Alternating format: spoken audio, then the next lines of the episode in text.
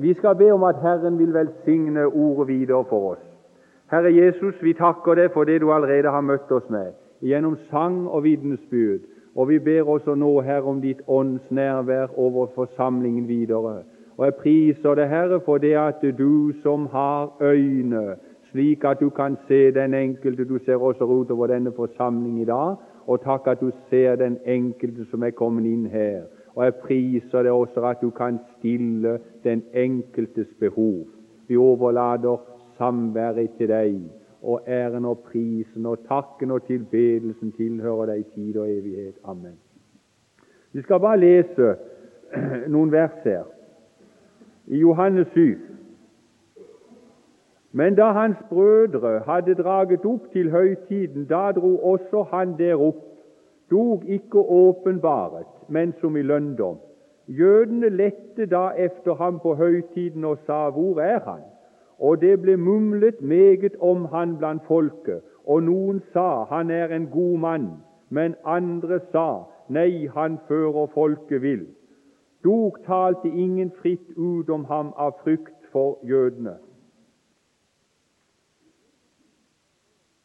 Det som vi finner her i denne beretninga, det er det at det er løvsalenes fest. Og her var Israel. Hele Israels folke de var da samla der.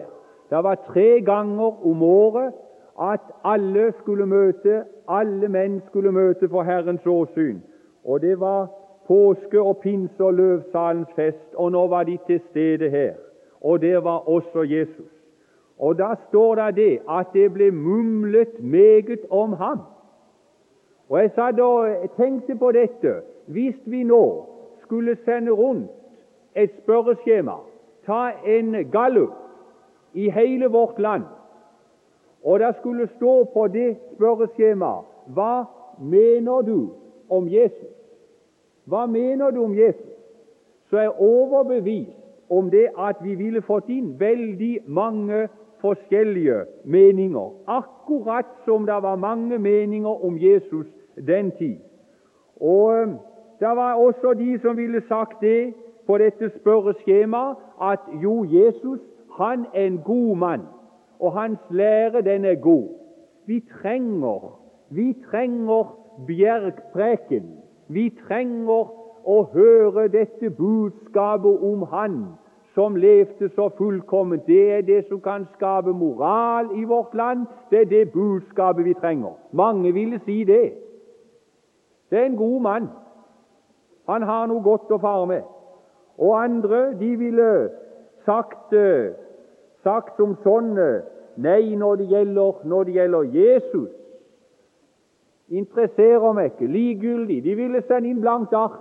Og jeg tror den gruppa ville være den største, den likegyldige gruppa. De som ikke bryr seg om Jesus.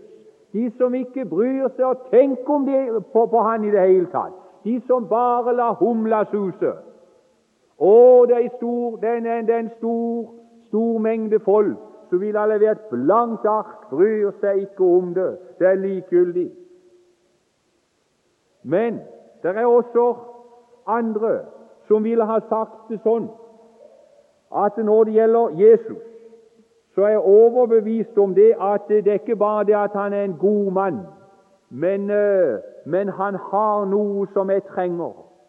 Jeg har sett det gjennom de andre kristne, de kristne som har levd. De ser så lykkelige ut. Og jeg har sett det gjennom de dypest falne, alkoholikere, andre som er blitt reist opp og nå lever et fint liv. Det må være noe med kristendom. Jeg tenker på på Lolandsheimen, der er jeg ansatt, oppe på det kurhjemmet. En kveld jeg ble sittende og prate med noen helt til klokka var halv ett, like før jeg skulle på halv ett om natta, like før jeg skulle på dette kurset. De var så interessert. Det var en hel flokk. Og den ene sa det at jo, er overbevist om dette med kristendommen, dette med Jesus, at det er noe her. Og det er i grunnen det eneste som kan, som kan hjelpe. Jeg er klar over det. Sånn, sånn, en, sånn en innstilling hadde han. Og kanskje du sitter her i salen også som er overbevist om at Jesus han kan gi deg noe. Det er noe her.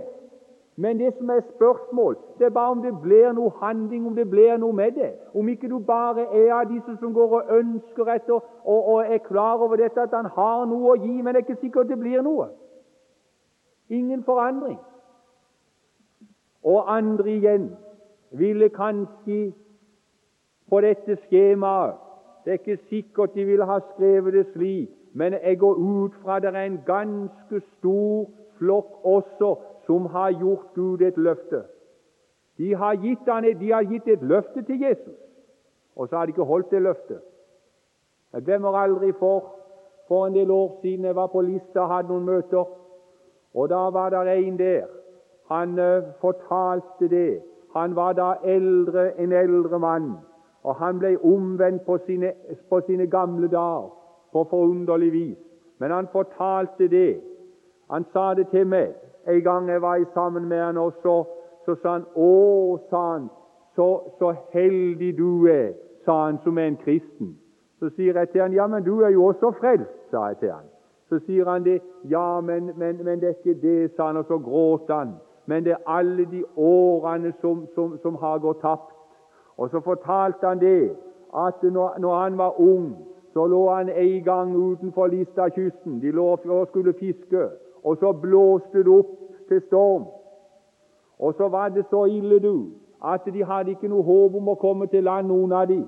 Og da sa han det, at når vi så det at bølgene de velta innover båten, og vi visste det at snart så går vi ned, og så visste jeg det at jeg er fortapt, jeg er ikke frelst Han hadde ei troende mor og far hjemme. Så bøyde vi kne, sa han, på dekket, og så ropte vi til Gud, og så sa vi, kan du føre oss inn til Lista, til land igjen, så skal du eie oss for alltid. Sånn ba vi. Og så skjedde det at de klarte å komme inn. Det var bare et Guds under at båten greide å komme gjennom brenningene og komme inn til land. Men vi ble berga. Men, sa han, når jeg kom inn til land, så hadde jeg glemt det løftet jeg hadde gitt Herren. Og så gikk det 50 lange år, sa han, i Satan og i syndens tjeneste. Han turte og drakk og festa. Han hadde glemt det løftet som han ga Herren. Kanskje det sitter noen her inne. Du har gitt Herren et løfte. Du sa det kanskje når du var ung, så sa du det at Jesus du skal eie meg. Men så har du brutt dette løftet. Så sitter du her i dag som en løftebryter. Du er i grunnen overbevist om dette med Jesus, men det er bare dette at du har brutt ditt løfte til han. Det er andre som har det også på andre måter, og det kan godt hende du sitter også her, som jeg nevnte i dag i stad, å være overbevist om Jesus. Det står her om at det var mange som trodde på han, men av frykt for jødene så vågte de ikke å bekjenne det. De vågte ikke å stå fram og bekjenne det av frykt for jødene. For jødene var kommet overens om det at hvis noen bekjente at, at de trodde på at Jesus var Messias, så skulle de støtes ut av synagogen. Og Av frykt for jødene så vågte de det ikke. Av hensyn til konsekvensene ved å stå fram og erkjenne det, at jeg tror at Jesus er Messias, Guds sønn, så vågte de det ikke. Å du, det er mange i dag som er overbevist i sitt indre at Jesus er Guds sønn. Men hvorfor skjer det ikke noe med dem? Det er konsekvensene. Det er dette at hvis jeg skulle gi meg over til Gud, hvis jeg skulle gi meg over til Han, og vil kona mi si, og vil mannen min si, og vil kameratene si Og så våger de det ikke. Da sto en mann en dag en, en, jeg syns det er så grivende å lese om denne mannen som sto der med Jesus foran seg. Når han sto der ille tilrett, han var slått, og han sto med ei tornekrone på sitt hode. Og så sto han foran denne mannen.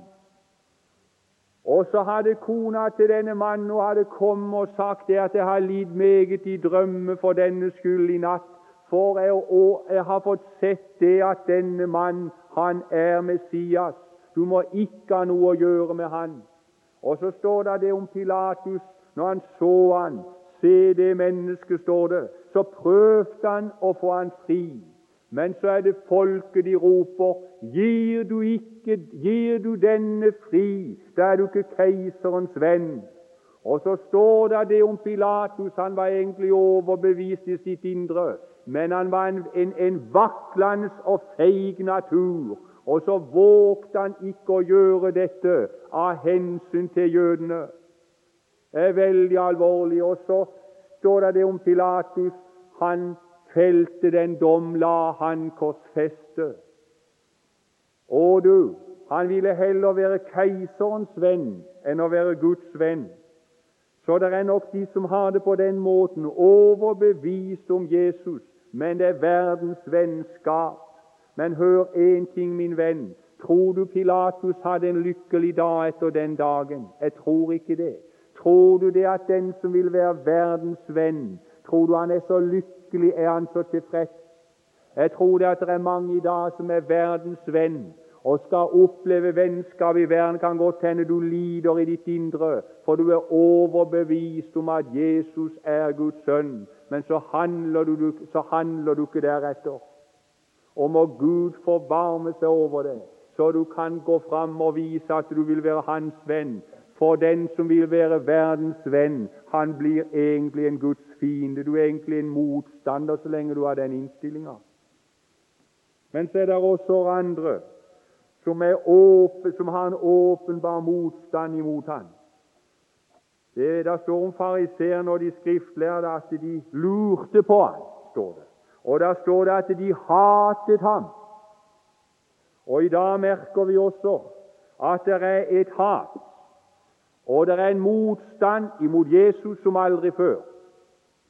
Den kjente fritenkeren Voltaire han sa en gang det at når det gjelder Jesus, tømmermannens sønn, og det de elleve disiplene fikk utrette, det skal jeg med mitt liv ødelegge. Men han klarte ikke å ødelegge med sin motstand Jesus og hans lære.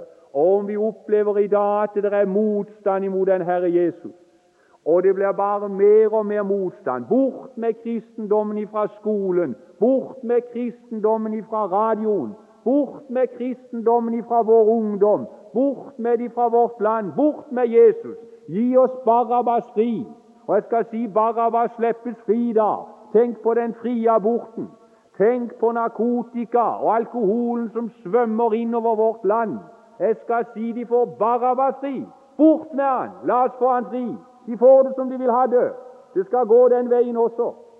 Men det er veldig alvorlig når vi tenker på vår ungdom, den oppvoksende slekt. Åssen skal det gå? Jeg syns det var fint når det gjaldt Flekkerøy-guttene den gangen når de skulle i radioen. Så ble det sagt de ville gjerne ha de til oss å synge, men de fikk ikke lov til å vitne. Eller var det på TV de skulle? Det er mulig det var TV. De fikk ikke lov til å vitne. Men da sa Flekkerød guttene det at hvis ikke vi kan få vitne om den Herre Jesus, så kan det være akkurat det samme. Og da var det det at han som hadde dette programmet, han sa ja, det skulle i grunnen ikke være forkynnelse der, sa han. Det er i grunnen underholdning, sa han, så vi skulle fått inn under den der passusen. Så vi kan i grunnen eh, vi skulle ikke ha det. Ja, da kan det være det samme. Ja, ja, aller nådig, så får dere lov til det, da, sa han. Og så sang de, og så vitna de om den Herre Jesus. Og så slo det an dette programmet sånn at de måtte ha reprise på det. Ja. Å, du! Men det er bare det at motstandere de vil ha det vekk. Vekk med det. Det er farlig. Og så sender de alt det andre skramlet og lortet som ikke er verdt å høre på engang. Det der sang og musikken som blir servert Du må bare Du blir jo Ja, du snakker om øreklokker. Og du snakker om å, å, å bli, bli, ødelagt. Det er jo altså forferdelig. Det er larm.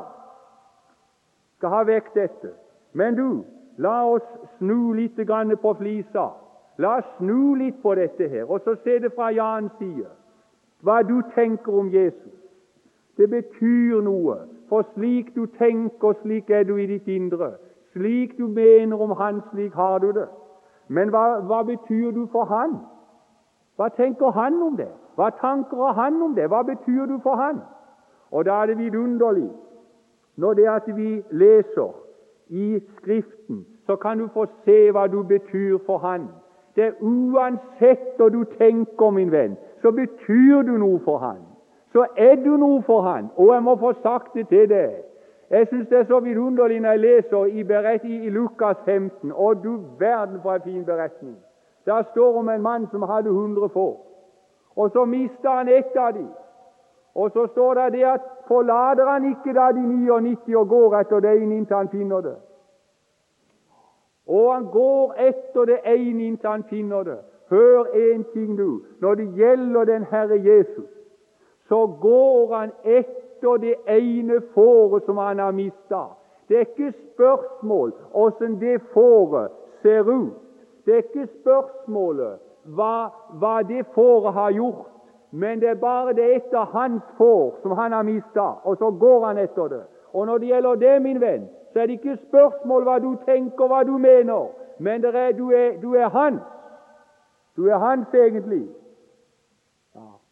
Og så går han etter det, og så ønsker han en ting, det å finne det. Og jeg skal si han, han, han kan gå etter den enkelte, og han kan anstrenge seg for å finne den enkelte. Og Gud gi at det var noen som han måtte finne. Og så En annen ting jeg synes som er så stort å legge merke til, det er, det er det at Jesus han er kommet for å søke å frelse det som var fortapt. For hør nå en ting. Det fåret som var gått bort fra fåreflokken Vet du åssen det, det, det, ville gå med det? Det fåret var egentlig fortapt. For det var nemlig slik nede i Jødeland at hvis et får kommer bort fra fåreflokken, så er det fortapt. Det er ikke redning for det. Det kan ikke klare seg sjøl.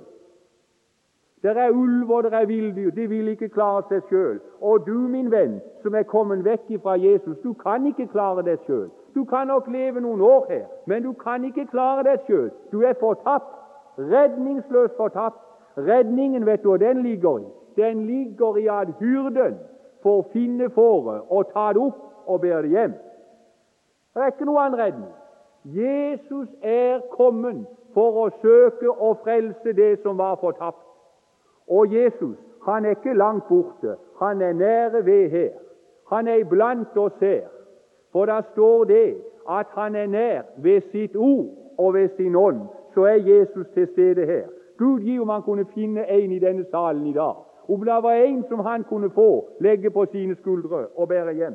Og så En annen ting er så vidunderlig. Hva og, og, og, mener Jesus om den enkelte? Å, du, han har et hjerte som ømmes for deg. Der står om Jesus når det at han så utover Jerusalem, utover denne byen, som han så gjerne ville få frelse og redde. Og når han sto der oppe på høyden og så det at byen den lå der og bada seg, i kveldssolen. Og så så han folk, og så så han husene, og så så han hele skaren der. Og når han så denne byen, så visste han det at de har forkasta meg, de vil ikke ha noe med meg å gjøre. Og så står det han, da gråt han når han så byen. Hvorfor? For han hadde et hjerte som ømmes. Han lengta bare etter én ting, det var for berg og for frelse.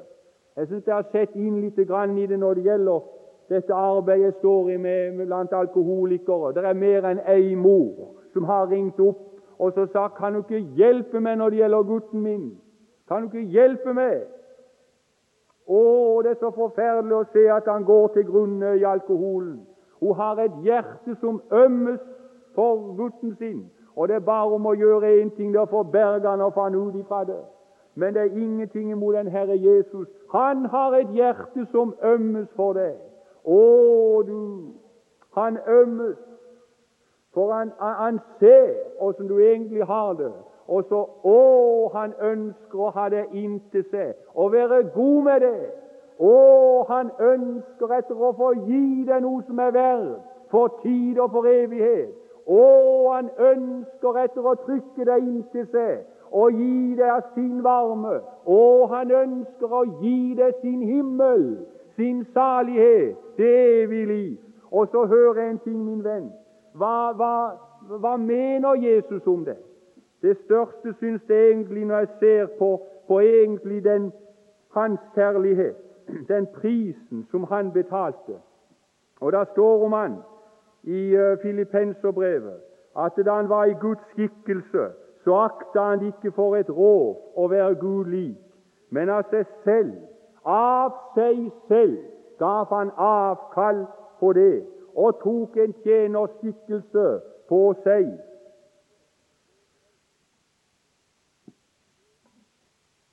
I det han kom i menneskers lignelse, og da han i sin ferd var funnet som et menneske, fornedret han seg selv, så han var lydig inntil døden, ja, korsets død. Hva mener Jesus om det? Han mener så mye om det, du, at han fornedra seg selv, så han ble menneske. Ja, det var stort. Det var uveldig. Jeg hørte en beretning om, eh, om en, eh, en, en, eh, Det var fra Misjonsmarka. Så var det en dag, ser du, der kom en av de innfødte. Han kom inn i hytta der som misjonæren bodde. Og så hadde misjonæren noen bilder i hytta. Og Blant annet så var det bilde av et fint hus og et hjem der. Og når den, den innfødte fikk se dette, så ble han bare stående og se på det fine huset, for han hadde bare vært vant til hytt, leirhytter, og, og, og, og, det var jo ikke så rare greiene der ute på misjons uh, ute i hedningland. Og da når han ble stående og se på dette bildet, så sier han og, er det for et hus? Så sa misjonæren det at det er det huset som mor og far bor i. sa Å, så fint et hus hadde han aldri sett. Det var hage foran et nydelig, fint hus. Og så plutselig så snur han seg til, til, uh, til misjonæren så sier han ja, men hvordan kunne du forlate alt dette og komme ut til oss og bo i denne usle hytta? Da må du være glad i oss, siden hun kunne forlate alt dette og komme til den usle hytta. Du, den Herre Jesus, han ga avkall på det å være Gud lik og så tok han en tjenerskikkelse på seg idet han kom inn i vår syndens verden og ble et menneske. Men var det alt? Nei, det var ikke bare det. Men der står han ble lydig inntil døden, ja, korsets død. En smertenes mann på Golgata gikk. Og det var en dag han måtte gå opp på et kors, og så spigra de han fast til korsets tre, og så hang han der forlatt av Gud, og forlatt, forlatt av mennesker, forlatt av Gud. Og så med sitt eget blod så kjøpte han oss ifra Satans makt til Gud. Så betalte han vår synd og vår brøde. Det var en som var villig å dø i mitt sted for at jeg skulle leve ved Han. Eh, eh, det var over i Vesten, i Amerika, så var det en så var det en farmer. Han var blitt så dårlig. Han kunne ikke lenger drive farmen sin. Så fikk han jobb som brovokter. Han skulle vokte jernbanebro. Og Det var en grei jobb for han. Han var der og skulle vokte denne jernbanebrua. Men en dag så hadde han hatt brua oppe, for det var en, en svær damper som hadde gått opp elva. Og idet brua var oppe, så hører han det piper i fløyta. Så visste han det at nå er det hurtigtoget som kommer. Det var for tidlig ute. Og så visste han det at nå må jeg skynde meg å få fire ned brua igjen. Hvis ikke så går toget, hurtigtoget, rett i elva. Og så begynner han å skal fire ned broa. Men vet du noe? Så får han se at hen på en av de store tromlene, der er gutten hans, sønnen hans som er syv år. Han har ramla ned på en av de svære tromlene. Og så raser det igjennom han disse tankene. Skal jeg fire ned broa og berge hurtigtoget? og så la gutten min bli knust i Tromland. Og så står han og ser på den lille gutten et lite øyeblikk, og så begynner han å fire ned broa. Og så vet han det at inni trommelen der ligger min sønn, der knuses han i stykker. Og så firer han ned broa, og når broa er nede, så kommer hurtigtoget rasende over. Om bord i toget der sitter noen og skåler og drikker og morer seg og ler. Men på jernbanelinja der står der en far, fortvila far, og gråter. Og så sier han, 'Å, åssen kan dere være så likegyldige når min sønn ligger knust inn i Tromland?' Hør det, min venn. Da var den evige, allmektige Gud. Han så en dag at sin sønn ble knust på et korps på Golgata. Og for gjorde han det? Det var for å berge hurtigtoget. Det var for å berge deg fra å gå under. Og så kan du være likegyldig og si nei til dette. Kan du dette for små og i verden bort gå, når du bydes og kalles og ømst av din Gud? Skal si det én ting, vet du, jeg tror blir det verste i fortapelsen. Jeg tror det verste i fortapelsen, det blir minnene om Han som hang på korset. Det blir om, om, om forspilt kjærlighet. Kjære venn som er her inne, og gi deg over til Han. La ikke verden bedra og dåre ditt hjerte. Han er her for å frelse din sjel. Han elsker deg. Amen.